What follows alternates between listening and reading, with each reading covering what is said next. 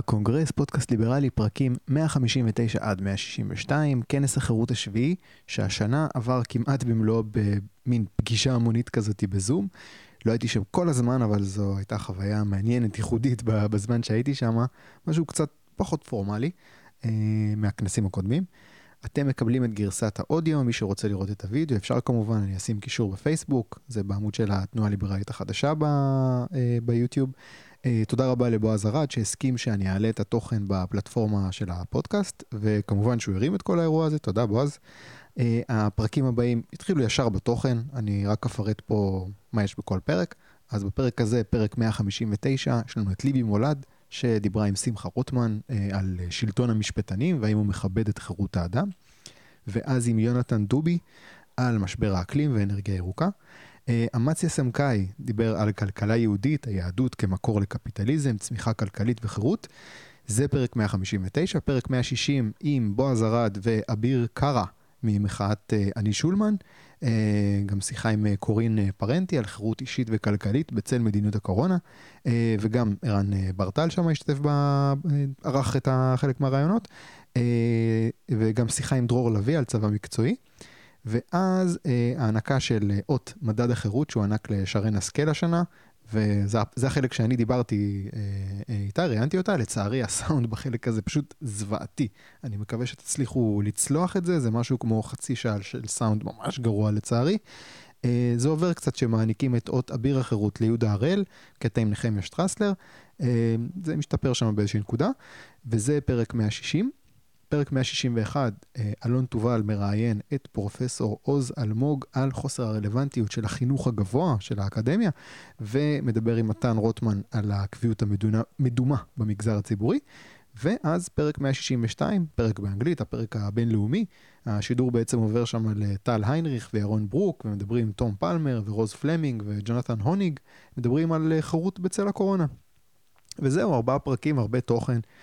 אם חסר לכם במקרה או תוכן, העליתי אה, פוסט בדף אה, פייסבוק של הפודקאסט, שמרכז את 12 הפרקים המואזנים ביותר בתולדות הפודקאסט, הפופולריים ביותר.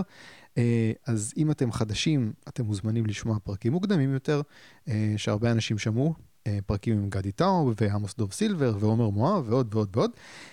ואם אתם שומעים את הפרקים, אני סקרן, תגיבו בבקשה בפוסט של, של ה-12 פרקים האלה. תגידו לי אם זה עדיין מעניין, או שזה לא רלוונטי, כי זה אולי, לא יודע, הרגשה של לשמוע קצת חדשות מלפני שנה. אז תגיבו שם אם זה רלוונטי, אם זה מעניין. אה, זהו, מתחילים, כנס החירות השביעי, תהנו. אבל בואו נדבר באמת, הנושא של, ה, של ההרצאה שלי הוא על הפרדת הרשויות והחירות. אנחנו רואים את זה, אה, בהקשר, ננסה לעשות את זה גם אקטואלי, אבל, אבל בואו נדבר קודם על, ה, על הדברים ברמת ההבחנה הגדולה. אני מפנה את מי, ש, את מי שמעוניין, מי שעדיין אה, לא קנה את הספר שלי, אז הוא לא יוכל לעשות את זה מול הספר, כדאי שתקנו את הספר, אבל אם אה, קניתם את הספר, המקום שבו בספר עסקתי בסוגיה הזאת, ממש זה פרק מיוחד למה הופך פסק דין שערורייתי. ובעצם הפרדת הרשויות היא הערובה לחירות, זו אמירה מפורסמת של מונטסקי, אני אקריא אותה ברשותכם. במשטרים רודנים אין חוק, השופט עצמו הוא החוק, אין חירות, זה שלוש נקודות, אין חירות אם הרשות השופטת אינה מופרדת מהרשות המחוקקת והמבצעת.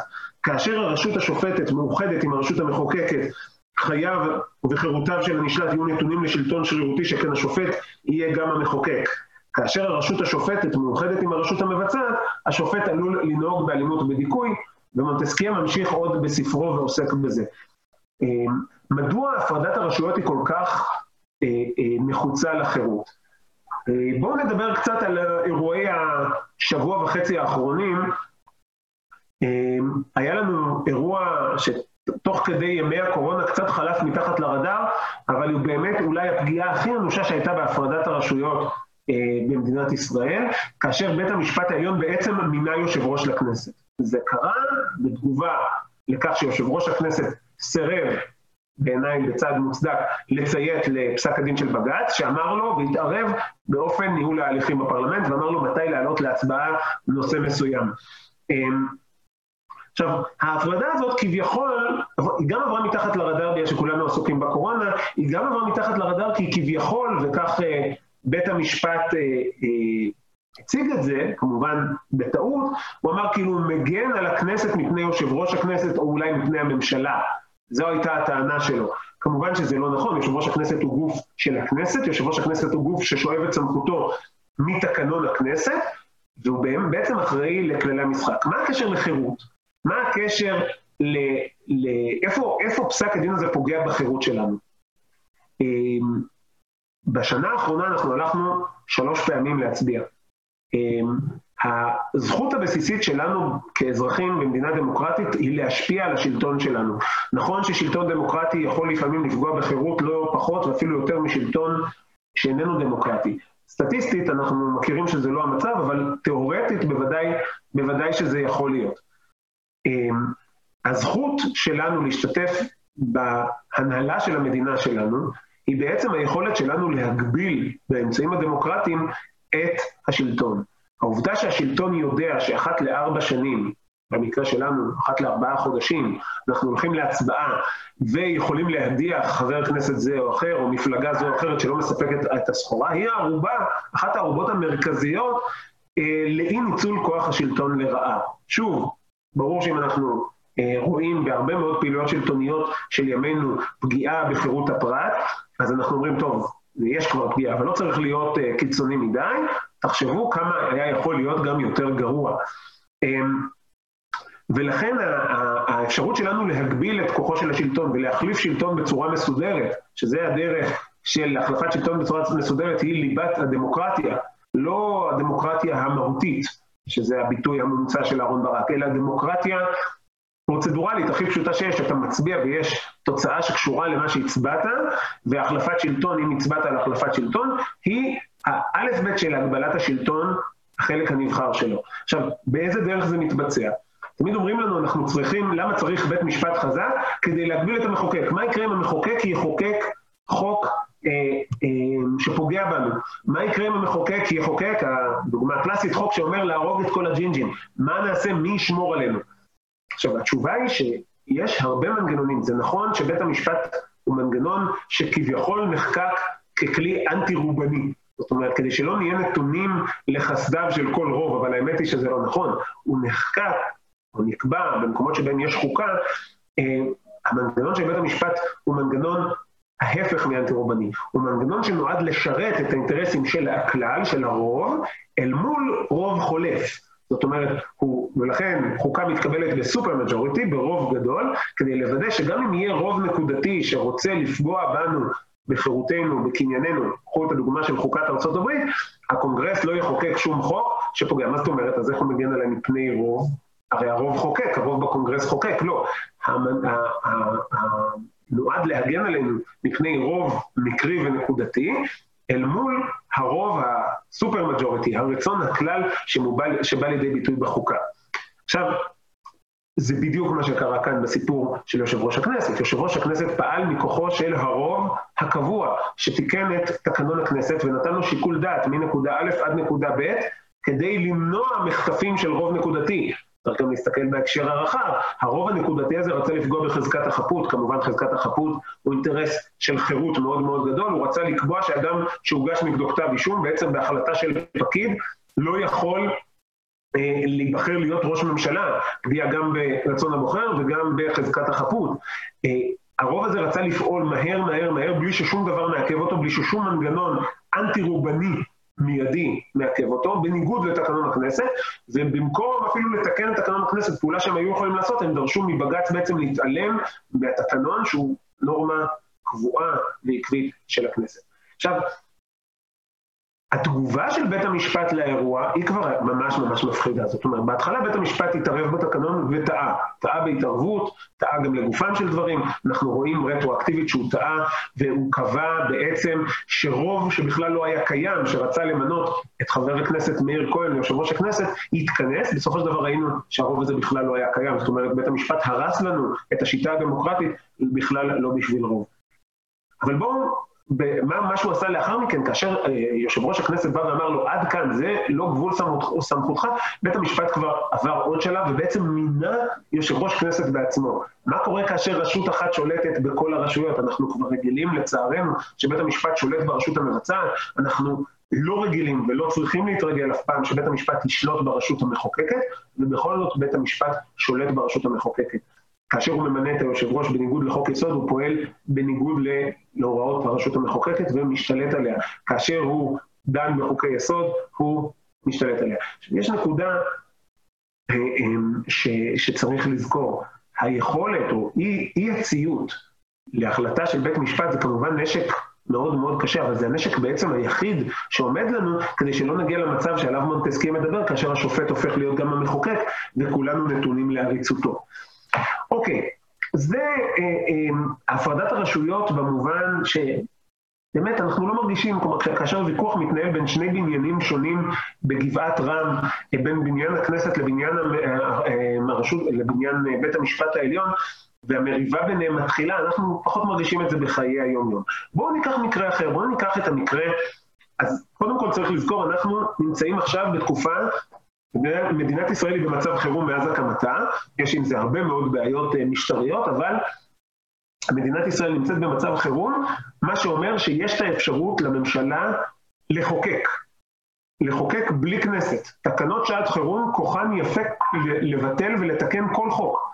זה דבר אה, שקיים בהרבה מאוד מדינות בעולם, אבל המצב חירום הוא מקום שבו אנחנו במידה מסוימת משתקים את המנגנונים הדמוקרטיים. אנחנו יודעים שהמנגנון הדמוקרטי לא מסוגל להגיב במהירות הרצויה למצב חירום. לא סתם, וסליחה על לקיחת הטיעון ישר ל...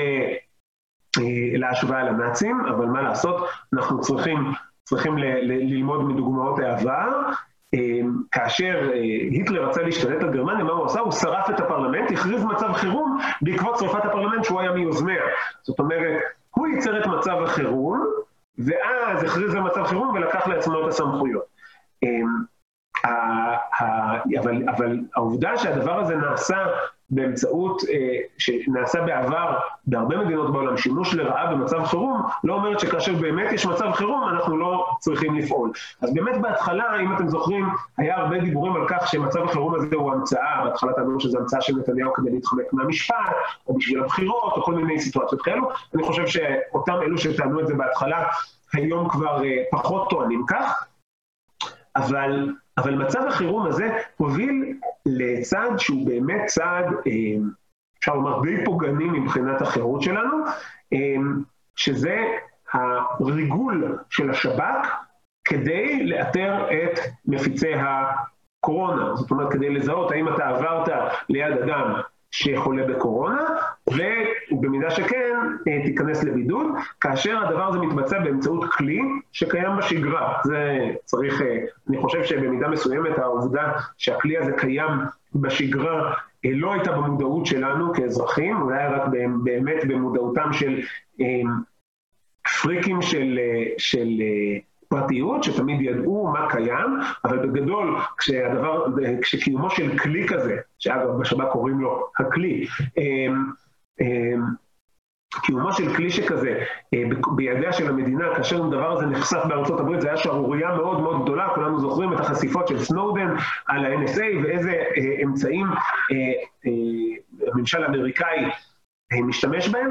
תחשבו שבעצם כל פעולה סלולרית שאתם עושים מתויקת באיזשהו database ענק שיושב בשב"כ, ובדרך כלל מה ששומר עלינו, שומר על החירות שלנו מפני המעקב אה, אה, של רשויות השלטון, מפני היכולת של רשות שלטון לדעת לאיזה אתר גלשנו בטלפון שלנו, יכול מאוד להיות אפילו, תאר לעצמי, לגשת לכל מכשיר, לבדוק מה הוא הקליט, אה, אה, להקליט בלייב ממכשיר סלולרי. אנחנו כולנו יודעים שכאשר נכנסים לישיבות ביטחוניות רגישות, משאירים את הטלפונים בחוץ, גם כאשר הם מכובים זה לא תמיד שומר עלינו.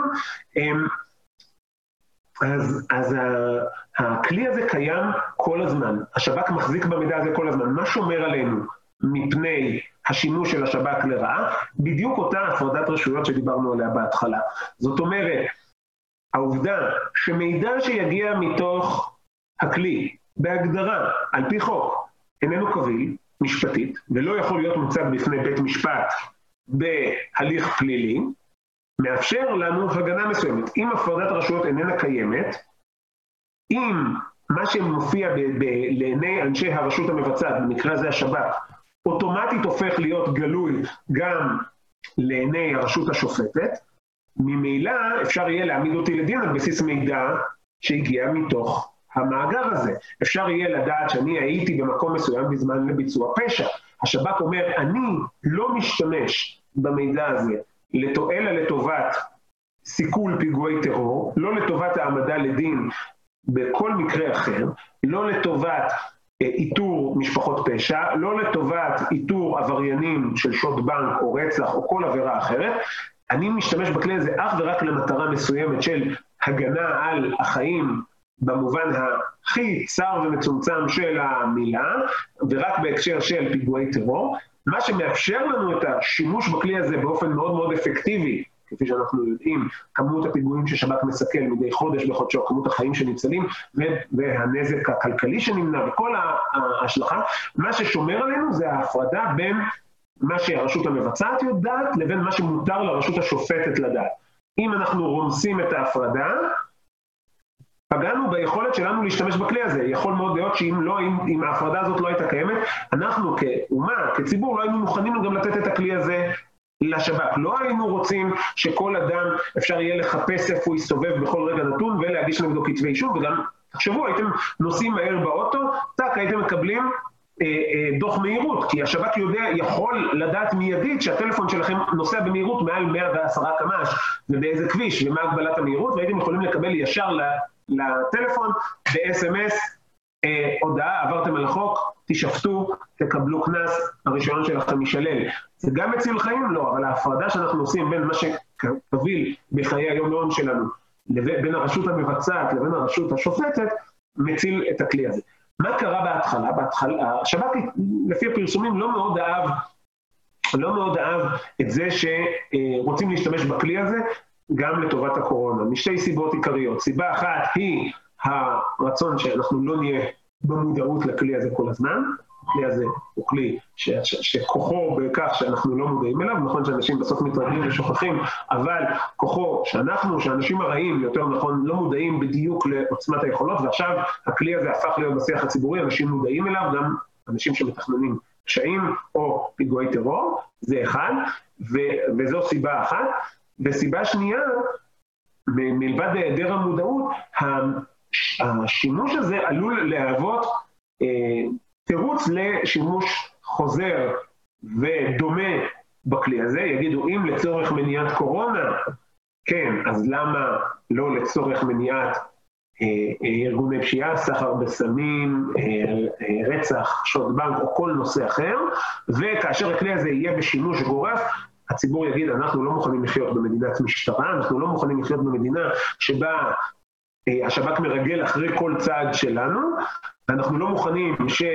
אה, אה, וזה יכול לפגוע בהרבה מאוד, ובסופו של דבר ייקחו את הכלי הזה משב"כ והוא לא ישמש לו גם למניעת טרור. ולכן שני השיקולים הללו עמדו ביסוד אי רצון מלכתחילה, אבל כנראה גם כאשר הם הבינו וגם כאשר הדרג המבצע החליט ש...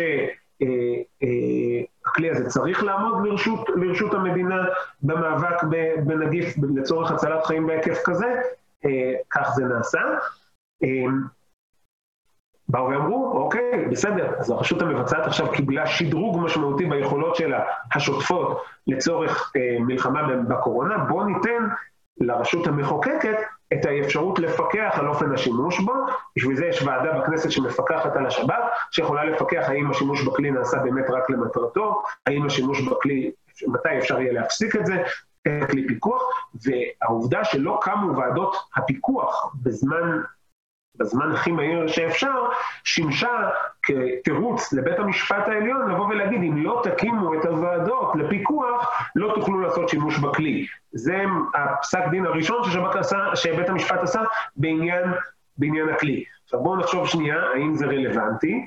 זאת אומרת, האם העובדה שהכנסת משיקוליה שלה ומסיבותיה שלה לא מצליחה להקים את כלי הפיקוח על השב"כ בגלל המשבר הפוליטי שבו היא נמצאת, האם זו הצדקה שהמדינה, הממשלה, לא תעשה שימוש ביכולות שיש לה לטובת הצלת חיים?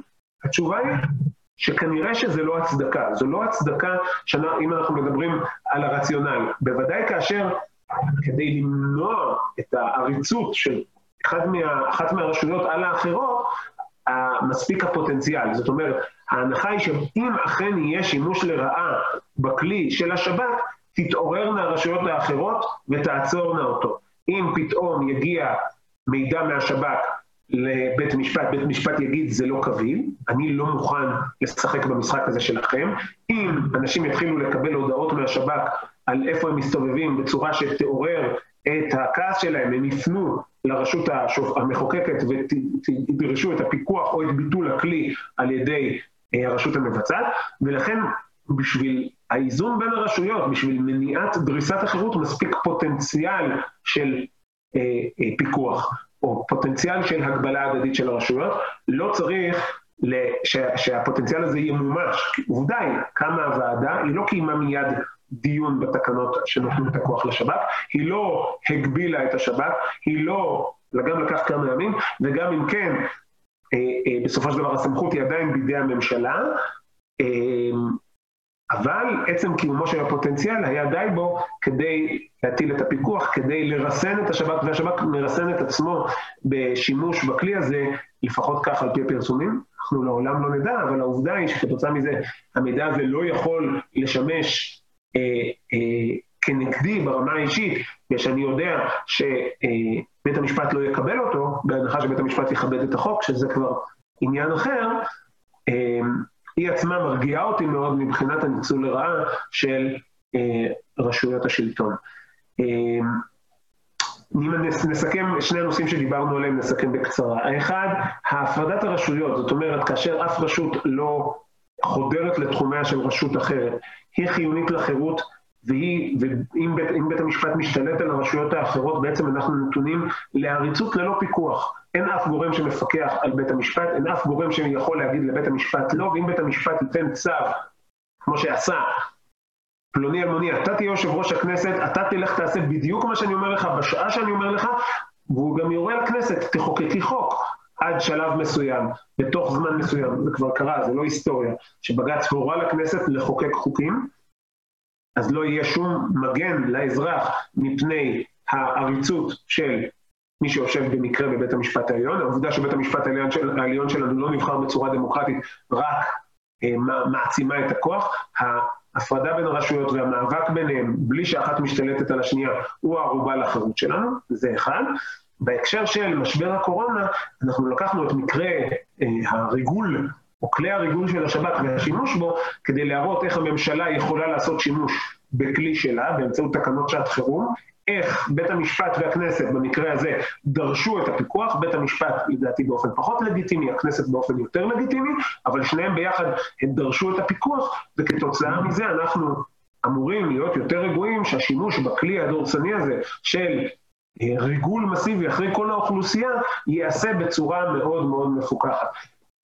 קצת אה, הערה, חלק משמעותי מהפיקוח הזה נעשה גם באמצעים פנים ממשלתיים, בגלל, המש... בגלל שהממשלה שלנו והשב"כ שלנו הוא מאוד מאוד מודע לערכים שעומדים בבסיס החברה שלנו. אם היינו בחברה שזה, הערכים שלנו היו סבבה לגמרי עם ריגול של המשטר אחרי האזרחים שלו, אז אה, לא היו כל מיני מגבלות ותקנות פנימיות בתוך השב"כ, או במגבלה עם היועץ המשפטי לממשלה, או עם פיקוח פרלמנטרי, ויכול מאוד להיות שאפילו בכלל לא היינו יודעים שהשב"כ, לא היו, לא היו, היו נדרשות התקנות ולא היה פרסום לעניין שהשב"כ מתחיל לרגל אחרי כל אזרח ואזרח בהקשר של הקורונה. תודה. אז אה, תודה רבה לעורך דין אה, שמחה רוטמן. חבל שאין לנו עוד כמה דקות בשביל לשאול אותך כמה שאלות שמעניינות אותי. תרימו ידיים, מה שנקרא, שנראה שכולם שומעים. Uh, בסדר גמור. Uh, אני רוצה להציג בפניכם מרצה מדהים. אני, אני לא יודעת איך זה קרה הדבר הזה, אבל uh, פגשתי אותו פעם ראשונה לא מזמן, עדיין לא מבינה איך פספסתי את ההרצאות שלו uh, עד לשנה זו. שמעתי אותו פעם ראשונה, הייתי בהלם. מדובר בפרופסור יונתן דובי, שהוא פשוט קול נקי של רציונליות בנושא אקלים, שלא רואים הרבה, כל הנושאים הירוקים, כמובן בתוך ים של חוסר רציונליות ואי התייחסות לעובדות. אה, פרופסור דובי הוא פרופסור לפיזיקה וכימיה תיאורטית, הוא חבר סגל במחלקה לכימיה באוניברסיטת בן גוריון אה, ומכון אילזה. אה, איך, תגיד, אז אתה במיוט רגע, גם אתה צריך להיות לא במיוט רגע. דקה, מה שלומך יוני? שנייה. איפה אני עושה לך unmute? רגע. רק דקה. איך זה יצא שאתה במיוט? אתה יכול לעשות לעצמך unmute? רגע. הנה. unmute. עכשיו דבר. אתם שומעים אותי? תרימו ידיים אם כן, כי אתם... כן, כן, עושים לי כן עם הראש, יופי, אוקיי. היי כולם. סבבה, אז תקן אותי, איך אומרים? אילזה? נכון, אילזה כץ למדע וטכנולוגיה בסקאלה הנונומטרית. אוקיי. טוב, זה לא בשבילנו אנשי אה, העם הפשוט. אה, תחומי העניין של פרופסור דובי כוללים, אה, תהיו איתי שנייה, מעבר זרם חשמלי דרך מולקולות, ננו-טכנולוגיה ותורת הקוונטים. הוא מרצה לתלמידי בית ספר מזה שנים רבות, תחת מסגרות שונות. הוא מתנדב בגל גלים, שהוא בית ספר לגלישה של ילדים עם מוגבלויות, אתם יכולים להסתכל בפייסבוק שלו, אה, יש הרבה תמונות אה, יפות משם, ובשעות הפנאי הוא מנגן מוזיקה קלאסית וגולש גלים. הוא חתן פרס קרי למצוינות מדעית בשנת 2017, בן 44, יליד באר שבע וגר ביבנה, אבא לארבעה ילדים. קבלו אותו.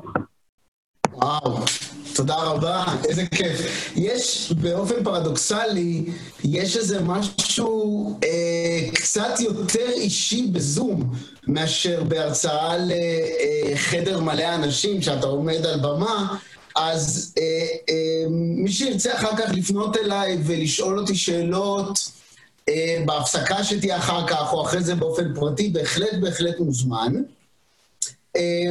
וכשליבי פנתה אליי ונפגשנו באירוע הזה שם לחברי המשלחת האוסטרלית, היא אמרה לי, תגיש הצעה, וזה נורא נחמד להיות פה ולדבר. אז באמת אני רוצה לדבר איתכם קצת על אה, משבר האקלים, וקצת לשים אותו בקונטקסט של משבר הקורונה, שכולנו חווים אותו היום, ואני הכנתי מצגת קטנה. ליבי, את משתפת אותי? במצגת? את משתפת את המצגת שלי? אתה יכול לשתף את המצגת שלך, אתה רוצה שאני אשתף אותה? אני יכול לשתף את המצגת שלי? אה. אם, יכול, אם מותר לי, אז מצוין. כן. לא, אבל את לא יכולה. אני לא יכול לעשות את זה, כי, כי אתם הסרתם מאיתנו, לקחתם לנו את החופש. אה, של השאר סקרין, אז רגע, תן לי, לא... כן. הנה, אני אז... רגע. אני מקווה שאני יכולה. אפשר לבקש מאחד החבר'ה המנהלים פה, האדמינים, שיכניסו לי את האופציה. כן, אני מבטיח שאני לא אעשה פיגוע זום. רגע, אני... נורא, אבל גם נורא מצחיק. כן. שאף אחד מהסטודנטים שלי לא אה, יעלה על הרעיון הזה. אה, אוקיי, אז עכשיו הנה, אני מנסה לעשות את זה. מצליח? כן, אז אני, אז אני משתף את המסך שלי, ועכשיו אתם רואים את המסך שלי, ואתם רואים מצגת? רואים. רואים את המצגת? רואים מצוין. רואים מצוין, יופי, תודה. אז אה, יש לי בערך רבע שעה, נכון? יש לך בעיקרון סך הכל 20 דקות, אבל אנחנו, אם אתה תוכל כיוון שעכשיו אה, איחרנו בגלל הפיגוע, אם תוכל... בדיוק, כן, כן, אז אנחנו קצת, קצת נקצץ ונראה. תראו, הקורונה זה משבר אמיתי ומדהים, ולא יאומן שנוחת עלינו, אה, אתם רואים פה אה, את מספר החולים, מספר ההרוגים, זה משבר שמשפיע על כל העולם, זאת ה-Times Square. בלונדון, שריקה לחלוטין, ומי שהיה שם זה מראה נורא. אלה המדרגות הספרדיות. ברומא, אמ, אה, שבדרך כלל זה מקום שמפוצץ באנשים, התמונות מדרום קוריאה, המשבר הזה הולך להשפיע על כל אחד מאיתנו נפשית, כלכלית, אה, התנהגותית, אנחנו עוד לא יודעים איך נצא ממנו, זה משבר אמיתי. אבל משבר הקורונה, אנחנו יודעים הרבה מאוד על המדע שלו, אנחנו יודעים למעשה הכל על המדע שלו. אנחנו יודעים למה הוא פרץ, אנחנו יודעים מה הטיפול. אנחנו יודעים לעשות בדיקות, אנחנו יודעים לעשות חיסונים.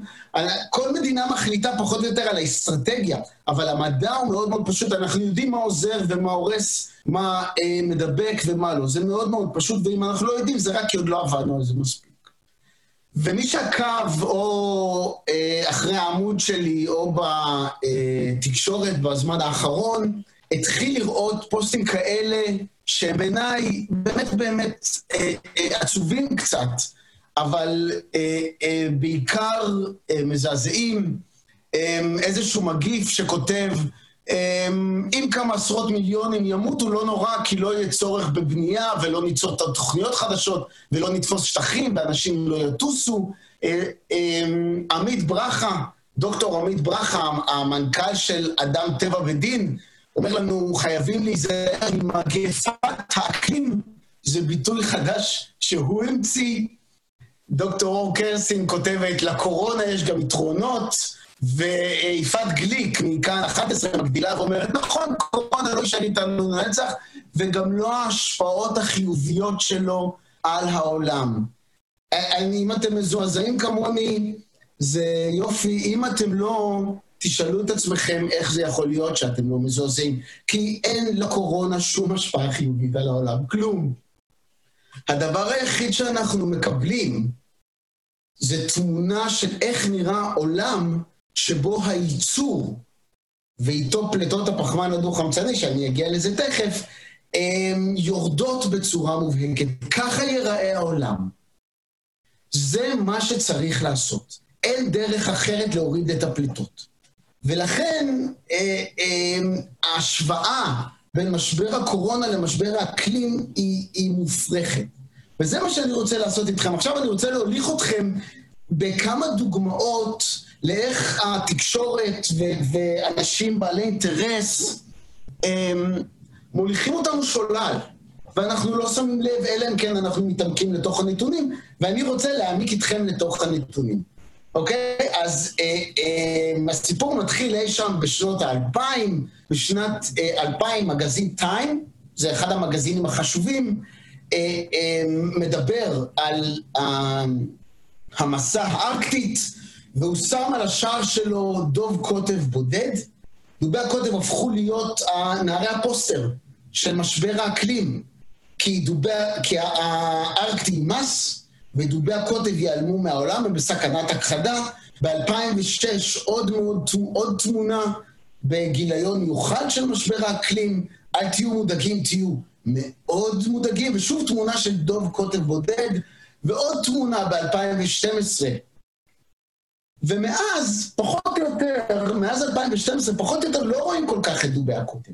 הם הפכו להיות, אה, אה, לא, הם הפסיקו להיות נערי הפוסטר של ההתחממות, והסיבה לזה היא שכשמסתכלים על המדע ועל הנתונים, מסתבר שהמצב של דובי הקוטב בעת החדשה מעולם לא היה טוב יותר.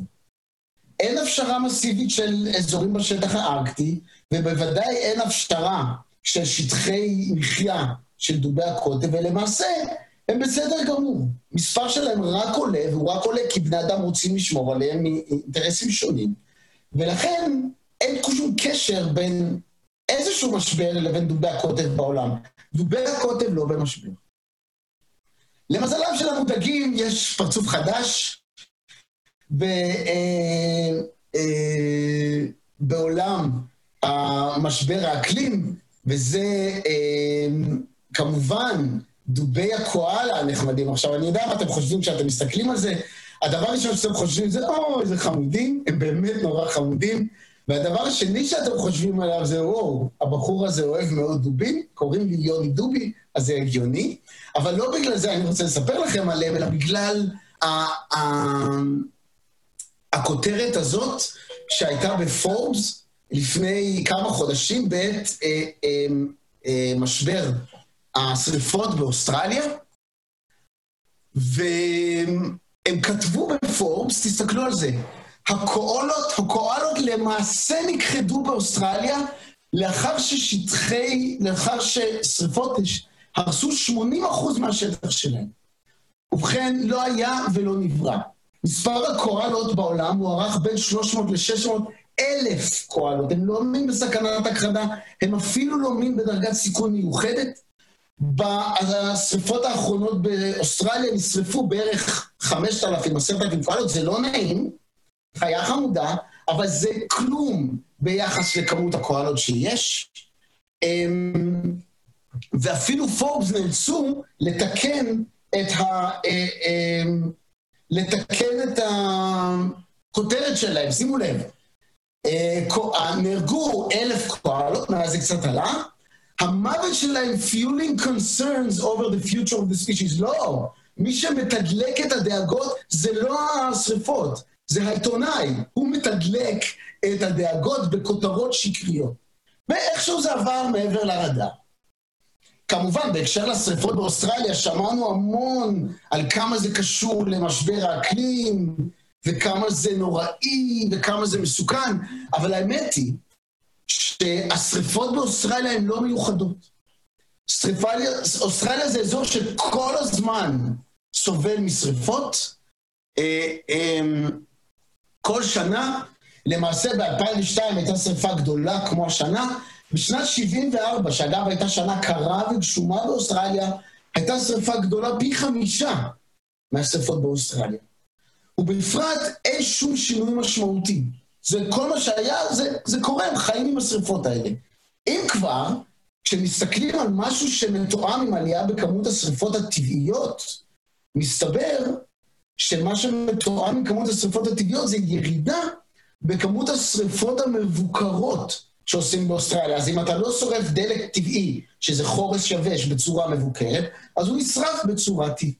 ואכן הייתה ירידה ואנחנו יודעים עליה. אגב, רק הערת אגב, כמות השריפות בעולם הולכת ויורדת במהלך 20 השנה האחרונות, בעיקר בגלל שבני אדם לא טוב להם שריפות. אז הם משקיעים כסף ומאמץ בלמנוע אותם. אז אה, יגידו לכם, כן, אז אולי זה לא קשה להתאים ספציפית שריפה זו או אחרת למשבר אקלים, אבל יש המון בצורות, הבצורות באוסטרליה מתחזקות. ובכן, לא, הם לא. הנתונים, זה הנתונים משירות המטאורולוגיה האוסטרלי, מראים בבירור שאין שינוי סטטיסטי מובהק בכמות המשקעים. לא בכל אוסטרליה ולא באזורים ספציפיים, בוודאי לא בניו סאות' ויילס, איפה שהיו השנה השרפות הגדולות. פשוט אין. וזה הנתונים האמיתיים. זה הנתונים. אין שינוי בכמות המשקעים באוסטרליה. עכשיו, זה לא רק באוסטרליה, אני, אני לא יודע אם אתם שומעים אותה? לא אתם שומעים? זה כתבה מ... לא שומעים, שומעים אותך, לא... לא שומעים? לא. אז תראו את התמונות, לא משנה שאתם לא שומעים, זה כתבה מערוץ 13 שהיה השנה, מפלי... מתייבשים. מה? תנסה להגביר אותה, ראיתי שהיא... לא, לא, לא, אני אראה לכם מה כתוב. תסתכלו, הם מראים את מפלי ויקטוריה, והיא אומרת ברוב פתוס, השנה מפלי ויקטוריה התייבשו בגלל משבר האקלים שפוקד את האזור, והם לא זורמים כמו שהם זרמו, זרמו פעם. אתם רואים? כאן יש תמונה אה, של שהם, ב, כשהם זורמים בקצב, וכאן יש תמונה, אה, תמונה של זרזיף קטן. וזה לקח לי בדיוק עשר דקות להיכנס לגוגל, גוגל סקולר במקרה הזה, לחפש את הנתונים של ממוצע משקעים באגן ויקטוריה, ולראות שכל כמה שנים יש שם בצורת. כל כמה שנים אגן ויקטוריה מתייבש ומפלי ויקטוריה הופכים לזרזיף קטן. זה קרה ב-2008 וזה קרה ב-1998, ב-96 הם התייבשו לגמרי, לא היה בכלל זרימה במפלי ויקטוריה. זה פשוט קורה כל כמה שנים, ואנחנו אה, אה, בולעים, אה, כן, עד, עד, עד, כמה שאנחנו יודעים, במאה השנה האחרונות. שעל זה מדובר, הרי ההתחממות הגלובלית זה תהליך שמדברים עליו במאה השנה האחרונות, במאה השנה האחרונות לא חל שום שינוי במטאורולוגי. וזה אגב נתונים שה-IPCC, הפאנל הבין-ממשלתי לשינוי אקלים, בעצמו אומר, אני עוד מעט אראה לכם את זה. אמ, אמ, גם עוד דוגמאות, הנה אתם זוכרים את השריפות בברזיל, אז אה, כאן אומרים לנו שזה נשרף בקצב חסר תקדים, ובגלובס אומרים לנו שהם אחראים ל-20% מייצור החמצן בעולם, ובכן לא מיניה ולא מקצתה. אמ, יער האמזונס אחראי לאפס, אפס אחוז מהחמצן באטמוספירה, זאת מערכת סגורה. ואם אתם רואים פה, אני מראה לכם גרף של שטח שנשרף כפונקציה של שנה, ואתם רואים שב-2004 למשל, וב-95 היו שריפות גדולות בערך פי עשרה ממה שהיה השנה, או פי שישה. זאת אומרת, בוודאי לא קצב חסר תקדים. אם כבר הייתה ירידה חסרת תקדים ב-20 שנה, בעשר שנים האחרונות בקצב השרפות של האמזונס. אוקיי? וכמובן העיתונות, הנה שני אשכנזי מגלובס אקולוגיה, שכותבת לנו כבר לא גשמי ברכה. אני רוצה שתקראו רגע ותבינו על מה מדובר. היא כותבת, גשמים חזקים, סופות, התנודות במזג האוויר מסבות נזקים כלכליים עצומים לחקלאות ובכל העולם וגם בישראל. שורה הבאה היא כותבת, השירות המטאורולוגי אומנם לא מזהים בישראל מגמה מובהקת. לא מזהים, אבל בואו נפחיד אתכם. למה שלא נפחיד אתכם? ואתם יודעים למה הם לא מזהים מגמה מובהקת? כי אין. בישראל, מאז המנדט הבריטי, שומרים נתונים על כמות המשקעים, ורואים בבירור שאין שינוי במשקעים. אין שינוי בסופות, אין שינוי בכלום. טיפ-טיפה יותר חם, אבל אין לזה שום השפעה מעשית על החיים שלנו. אלה הנתונים, ושוב, זה לא רק אני אומר. מי שאומר את זה זה ה-IPCC עצמו. אם תסתכלו על הדוח האחרון שלהם, אתם יכולים להיכנס, מי שרוצה שלח לו את הלינק אחר כך, אני מתרגם לכם. עליות בגשמים חזקים סביר שהתרחשו, 50-50, אבל תלוי באזור. אבל עבור אירועי קיצון אנחנו פחות בטוחים. למעשה, אין עדות משמעותית, אולי חוץ מבכמה מקומות בדואים. אין שום דרך לעשות את זה. זה לא משבר, אין משהו מיוחד, זה פשוט האקלים, האקלים תמיד נגדנו. האקלים תמיד עובד לרעתנו. עכשיו, אני, העבודה שלי ביומיום זה להסתכל על נתונים ולהשוות אותם. זאת אומרת, אני מסתכל על נתונים ואני שואל מה הם אומרים על המציאות. זה מה שאני עושה ביומיום. וזה מה שעשיתי גם פה, ואני רואה שאין משבר. ואני שואל את עצמי, איך זה יכול להיות? איך יכול להיות שזה קורה? ואני חושב, אחרי שדיברתי גם עם הרבה אה, אנשים על העניין הזה, שיש כאן משהו שקשור להטיית האישור. מה זה הטיית האישור? הטיית האישור זו סיטואציה שבה אנחנו ניגשים לנתונים כשאנחנו כבר מאמינים במשהו. במקרה הזה, במשבר האקלים, כי פמפמו לנו את זה וסיפרו לילדים שלנו את זה, ומשרד החינוך מדבר על זה.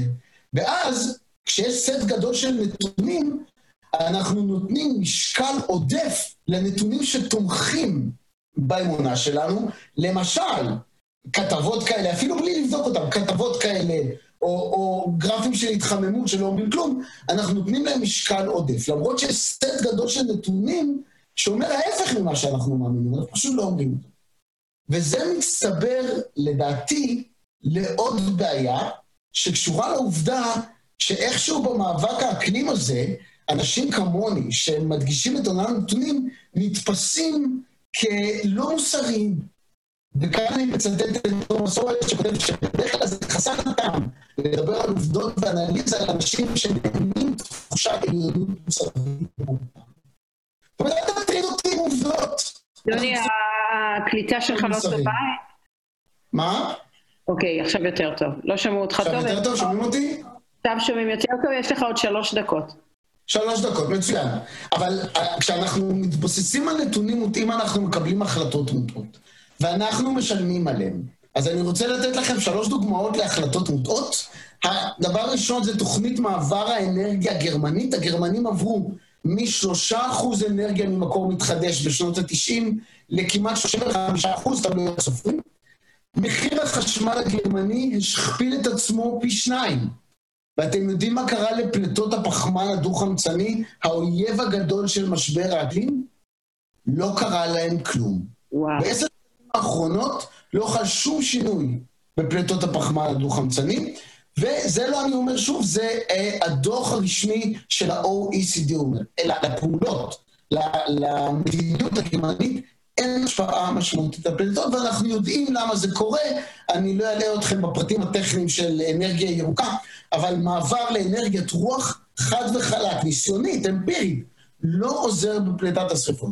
עכשיו, גם אם היו משקיעים טריליונים, למשל בהסכמי פריז, אם הסכמי פריז היו מתקבלים, ולשמחתנו הרבה הם לא התקבלו, השינוי בטמפרטורה הגלובלית, לפי הדוחות של ה-IPCC, היה בין פסיק 0.05 מעלות ל-0.17 מעלות. זה כלום, זה לא מדיד, זה הרבה מתחת לרש, והמחיר שזה היה עולה, זה מאות מיליארדי דולרים. שמתי לכם קצת מהמחירים. מאות מיליארדי דולרים.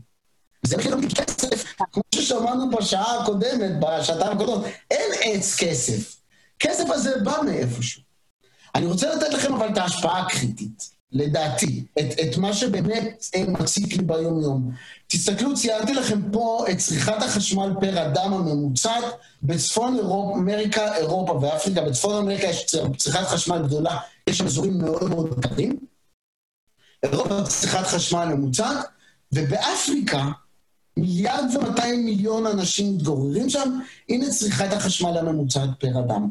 בקניה, שהיא מדינה יחסית מתקדמת באפריקה, או איפשהו באמצע, אם הם היו מוצאים חשמל כמו בישראל, היה להם חשמל ל-45 דקות ביום.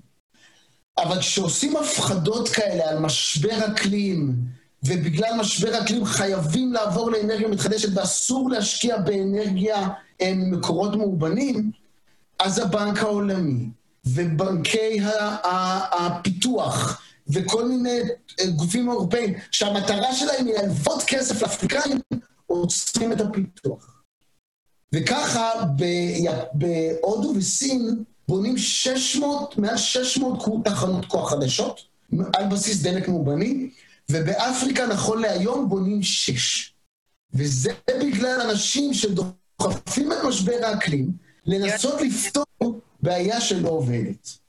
אה, על ידי זה, אז אה, אני מסכם. כשאנחנו מסתכלים על סיפורים כאלה בתקשורת, צריך לשאול האם זה נכון. קודם כל, האם מה שאומרים לנו נכון? האם הוא מגבה בנתונים? האם הדאטה מראה את מה שאומרים? והאם הנתונים תואמים את המסקנה? ובדרך כלל המסקנה היא זה שאנחנו עומדים באיזשהו משבר ארוך טווח, וכשאנחנו רואים את זה, רוב הסיפורים, רוב הסיפורים הם לא משבר, הם פשוט אקלים. עכשיו, יש הרבה בעיות סביבתיות, שצריך לטפל בהן, לא קשורות בכלל, בכלל, בכלל, בכלל, בכלל לפחמן דו-חמצני ולמשבר אה, אקלים. קשורים לזה שאנחנו חיים ואנחנו צריכים לשמור על סביבה שאנחנו חיים. תמיד צריך להתבונן על הנתונים, ואני מחזיר אתכם לתמונה הזאת ולגברת יפעת גליק, שהאמירה שלה הזאת היא פשוט לא יאומנת בעיניי, וזהו. תודה רבה לכם. תודה על ההקשבה. תודה רבה uh, לפרופסור דובי. הלוואי והייתי יכולה להצטייד בך בכל uh, ויכוח ירוק. את בהחלט מוזמנת, בהחלט מוזמנת. אנחנו נקפיד לשמוע יותר ויותר מהנתונים, כי זה דבר באמת באמת חשוב. ויעלה ויבוא דוקטור אמציה סמקאי, גם הוא בן 39, uh, כמו שמחה רוטמן, אה, אבא לשלושה מאלקנה, עורך אה, מסיבת הפורים הידועה של הימין, נכון אורלי? אה, ואמציה סמקאי עומד בראש חברת סמקאי אסטרטגיה בע"מ, היא מספקת שירותי מחקר כלכלי, ייעוץ עסקי, ייעוץ אסטרטגי לחברות פרטיות ולגופים ציבוריים בארץ ובעולם. אה, דוקטור סמכאי הוא גם המייסד של עמותת בצדק למדיניות אה, יהודית, אני חושבת שזה בעצם הקשר שלו לכאן.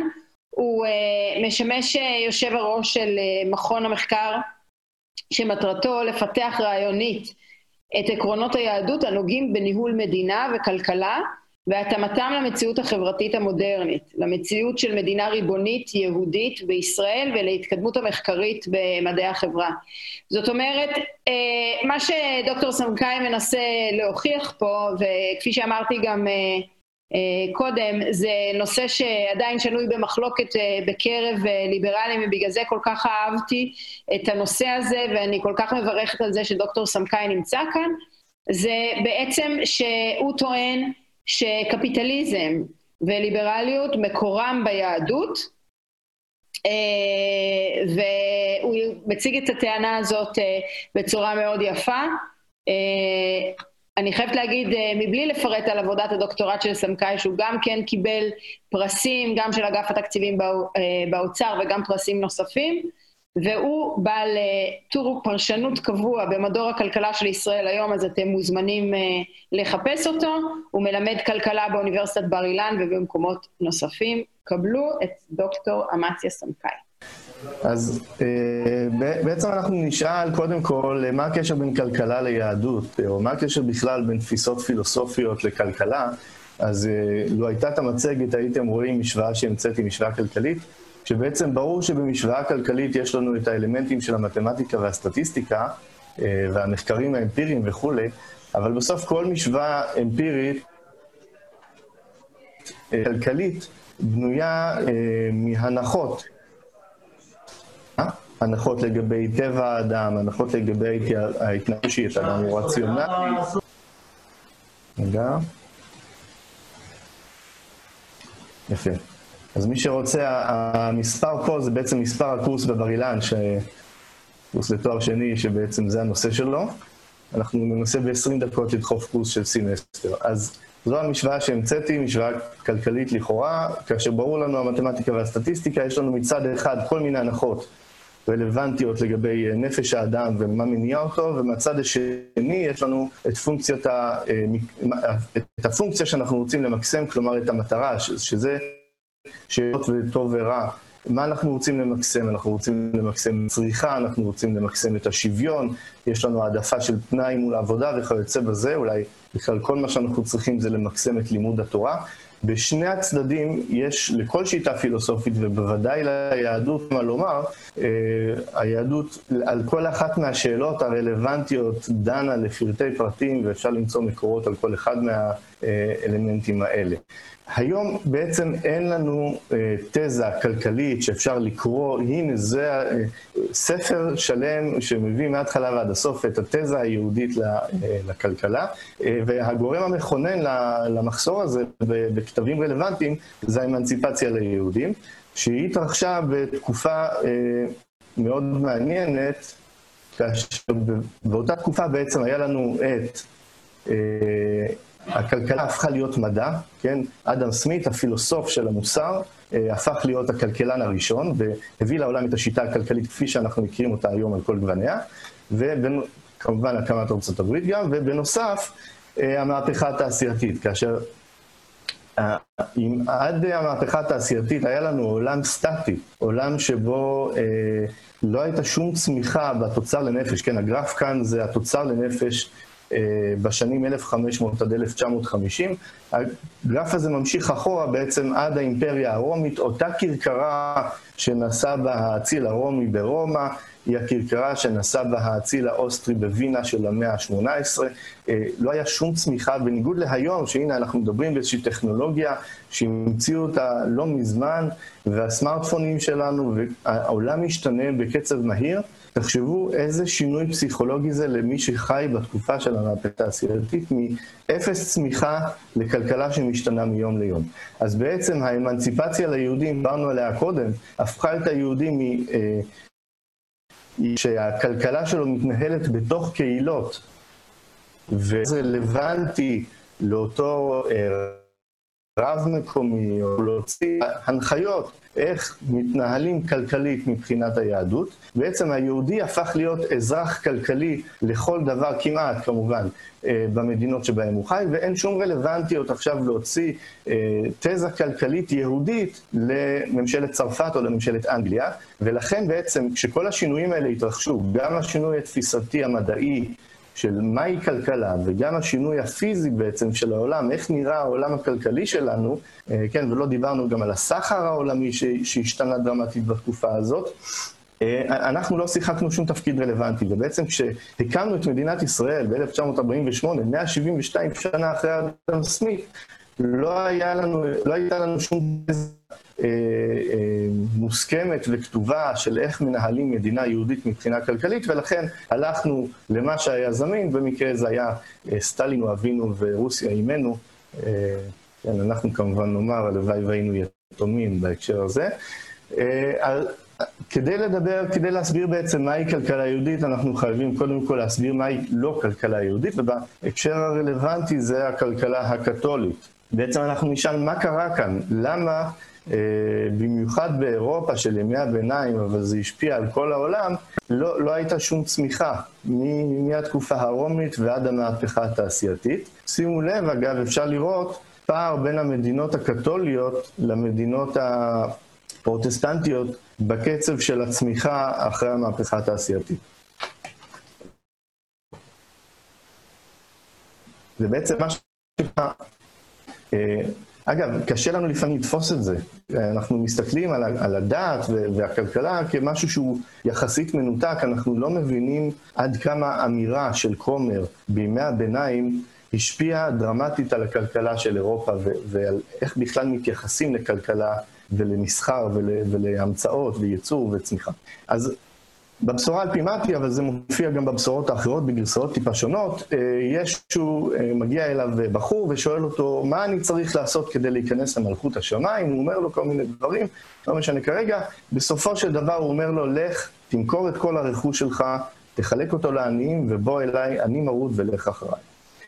הבחור לא השתכנע אה, ועזב אותם, ואז ישו אומר את המשפט הבא, אמן אומר אני לכם, בקושי ייכנס עשיר למלכות השמיים, ועוד אני אומר לכם, נקה לגמל לעבור דרך נקב מחט, להיכנס עשיר אל מלכות האלוהים. כלומר, עושר הוא חטא נוראי, ש, שאין עליו מחילה, אה, ולכן צריך לשנוא עשירים ולמדות אותם, אה, ו, ומהדבר הזה זה השליך אחר כך על כל התפיסה הקתולית, כאשר אצלנו, לא רק שהעושר הוא לא שלילי, אנחנו, אה, אה, הגמרא מעידה על אברהם ויצחק ויעקב ומשה ורבי יהודה הנשיא ועוד אה, רבים אחרים, דמויות מופת שהיו עשירי עולם. זה אפילו מופיע בגמרא כתנאי לנבואה, אתה חייב להיות עשיר על מנת שהשכינה תשרה עליך. אוגוסטינוס, שהיה אחד החוקרים, אחד ההוגים המובילים של אבות הכנסייה הקתולית, לקח את הדבר הזה צעד אחד קדימה, ובעצם הגדיר את מי שמחזיק רכוש מעבר למה, למינימום שהוא צריך בשביל לחיות, כאילו נהנה מרכוש זולתו, כלומר, כאילו הוא גנב. ואם הרכוש העודף לא בחזקתי, כן, אני בעצם מחזיק אותו שלא כדין, מי, מי, מי, מי זה זה שמגדיר מתי אני מחזיק רכוש עודף כדין ולא כדין? כמובן שהכנסייה, וכשהכנסייה מחליטה שאני מחזיק את הרכוש שלא כדין, היא יכולה להחרים לי את הרכוש. ניגוד מוחלט לתפיסה הזאת יש לנו במדרש, טוב מישהו עושה צדקה מומתה משלו, ממישהו גוזל וחומס ועושק ועושה צדקות גדולות משל אחרים. הציווי על הצדקה מוטל עליי, ואף אחד אחר לא יכול לבוא ולתת צדקה מהרכוש שלי. אה, אוגוסטינוס לוקח את זה אפילו צעד אחד קדימה ומודיע שאין אה, קניין פרטי, הקניין שייך, כן, אנחנו רואים את זה פה במקור למעלה, הקניין רכש רק, אה, הקניין שייך רק לצדיק, שזה בעצם האל, או לנציגו עלי אדמות. מי זה נציגו עלי אדמות? בתקופתו המלך, שהוא כמובן היה גם ראש הכנסייה, ואחר כך זה המשיך להיות ראשי הכנסייה, הם נציגי האל, ולכן הם אלה שמחליטים למי שייך הרכוש. זה אחד הדברים העיקריים שבעצם גרם לזעם הגדול בציבור כלפי הכנסייה הקתולית אה, והביא לפרוטסט, למחאה של הפרוטסטנטים אה, ששינתה, ואז הם בעצם חיפשו את התזה החלופית לתזה הזו. אה, אצלנו ביהדות אנחנו רואים את ההלכה ש... למלך יכול להרוג מורד במלכות, אבל אסור לו לגעת ברכוש, ואם הוא נוגע לו ברכוש הרי זה גזל, אה, והמשל המפורסם, הרצחת וגם ירשת על כרם נבות, כן, המלך יכול אה, להרוג את נבות, אבל אסור לו לגעת אה, בכרם שלו. הנושא של הקניין הפרטי ביהדות, וחצי על זכויות קניין והדינים שנגזרים מהם, זה, זה משהו יסודי אצלנו. אה, פה יש את הספר של אה, רוברט היילברונר, מי שיכול לראות בווידאו גם, יש לי פה את הספר הזה, הוא מאוד, אה, אני מאוד ממליץ עליו, יש לו קצת נטייה שמאלה, אבל יש שם כמה דברים שהם אוצרות, ושם בפרק ב' הוא מתאר איך נראתה, איך נראו חיי היום באירופה של ימי הביניים. אז יש לנו פה בבוסטון של 39 מורה ותיק לכתבי הקודש שמואשם בחטא נורא ומאיימים לנדות אותו, הוא הרוויח יותר משישה אחוז. בצרפת הורגשה לאחרונה יוזמה רבה מדי בתחום תעשיית התביעה, ולכן חייבים לשים קץ לנטייה המסוכנת הזאת. כל הרעיון הזה של הרווח, הרי אם עושר הוא חטא, אז בוודאי רווח שמביא לעושר הוא חטא, ולכן גם היוזמה שהיא זו, הרי למה אני יוזם פטנט חדשני? אני רוצה להרוויח יותר כתוצאה מהיוזמה שלי, זה בעצם הפירות של היוזמה שלי, ולכן אני מתאמץ ומפתח את הסטארט-אפ. היוזמה לכן נהדרת לחלוטין, כי אם אין רווח, אסור לי להרוויח, אז גם אין, אין לי שום טעם אה, ליזום, ואם מישהו מנסה ליזום, הוא כנראה רוצה להרוויח ולכן זה חטא, והוא כנראה רוצה, כנראה רוצה לנשל את כל שאר בני האדם מהפרנסה שלהם. אה, אז ב-1666, בתקופה הזו, הפחד מפני שינוי וחדשנות הוא לא רק התנגדות קומית של סוחרים. אה, באנגליה, כשהוצע פטנט מהפכני למכונת צריגה חדשה, מועצת המלך הורתה להשמיד את המתקן המסוכן אה, בעקבות יבוא של בדי כותנה מודפסים לצרפת. אה, מקפחים את חייהם 16 אלף איש, כן, הם עולים לגרדום או כל מיני עינויים אחרים בעקבות הדבר הזה. זה בעצם נותן לנו קצת את התמונה, קשה לנו לדמיין את זה, אבל קצת אה, את התמונה של אירופה בימי הביניים תחת שלטון הכנסייה הקתולית ותחת התפיסה הפילוסופית של אה, אותה תפיסה קתולית. כן, נכון, אבל כל המקורות, אבל המקורות ההלכתיים והמקורות של חז"ל אה, שוללים את הגישה הזו מכל וכול. אסור למנוע תחרות, להפך, לא רק שאסור למנוע תחרות, ופה אם יש מישהו מהסתדרות המורים ששומע אותי, קנאת סופרים תרבה חוכמה, כשהיה חשוב משהו לחז"ל, חינוך בהחלט היה אחד הדברים שחשוב לחז"ל. סופר בהקשר הזה זה לא סופר אה, שכותב ספרים, אלא מלמד תינוקות. כן, שימו לב למשפט שבסוגריים, כן, אה, מושיבים בעצם מלמדי תינוקות, מושיבים מורים, כן, מקימים בתי ספר אחד ליד השני, למרות הסכנה שזה יפגע בפרנסה של המורה השני, כן, לא יכול להגיד, אני הייתי פה קודם, יש לי ותק, ולכן תשמור לי על הפרנסה, אם אתה תשמור לו על הפרנסה, וניחוש דילמה אתי ליתרשולי. כלומר, אני חושש שאותו... שאותו מורה יתרשל בתפקידו, כן, וכולנו מכירים תופעות כאלה של מורים ותיקים ועייפים, שיודעים שאף אחד לא ייגע בהם ולכן הם, הם מתרשלים, כן, בהמשך יש גם משהו לגבי תכשיטים של בנות ישראל, אבל לא נאריך על זה. הגמרא הבאה, המקור השלישי בבבא בתרא, הוא מקור שלכאורה יכול לשקף ויכוח מהכנסת המודרנית של היום, אה, האם עושים פיקוח על מחירים או שאין צורך לפקח על מחירים. לא רק זה שהגמרא מכריעה שמפקחים על המחירים, אלא יש שם איזשהו סיפור שמישהו הלך ואמר אה, ש, שצריך לפקח על מחירים, קראו לבחור הזה קרנה, אז שמואל אה, קילל אותו שתצמח לו קרן מהעין. אה, ואכן צמחה לו קרן מהעין, עד כדי כך הגמרא התנגדה לתפיסה הזו של פיקוח על מחירים, כי למה? ופה הרשב"ם במקור למטה מסביר, 700 שנה לפני אדם סמית, הוא בעצם מתאר לנו את מנגנון היד הנעלמה. אה, שלא ימכרו ביוקר, סבר ההוא, כן, למה לא צריך למכור ביוקר? כי אם אחד ימכור ביוקר, הקונים ילכו למוכר השני, ובסופו של דבר הוא יהיה חייב להוריד את המחיר. זה חידוש, כן, לנו זה נראה טבעי וברור, וכולנו אה, מכירים את זה מחיי היום-יום שלנו היום, זה לא טבעי אה, אה, בתקופה ההיא. החלק נוסף, המקורות פה במצגת הזו, בשקף הזה, בעצם מציגים את התפיסה, את תפיסת הצמיחה היהודית. יש לנו ציווי לצמוח, להצמיח את העולם. יש לנו ציווי לפתח אותו, להיות שותפים במעשי בראשית. מה אני בורא עולמות ומחיי מתים, אף בוראי עולמות ומחיי מתים, אנחנו מצווים לברוא את העולם, אנחנו מצווים לה, להמציא, בניגוד לאותה מועצת מלך שהחרימה את ההמצאות, או לאותן אגודות אה, סוחרי בדים בצרפת. אה, והמקור השלישי כאן, גדול הנהנה מגיע כפיו יותר מירא שמיים, זה, זה מקור שהיה אה, מזעזע כל הוגה קתולי אה, בתקופה ההיא. אה, כן, אז בסופו של דבר אה, היילברונר פה מתאר איך העלייה הפרוטסטנטית הביאה לשינוי, שימו לב למשפט האחרון כאן, בין אה, צרה הדרך ליצירת זהות בין עושר למצוינות רוחנית ובין עשירים לקדושים, כן, וזה מזכיר לנו את המקור שהזכרנו קודם, שהשכינה שורה אלא על חכם גיבור עשיר ובעל קומה. אה, ובהקשר הזה, אז אה, אה, מקס ובר, בחיבור המפורסם שלו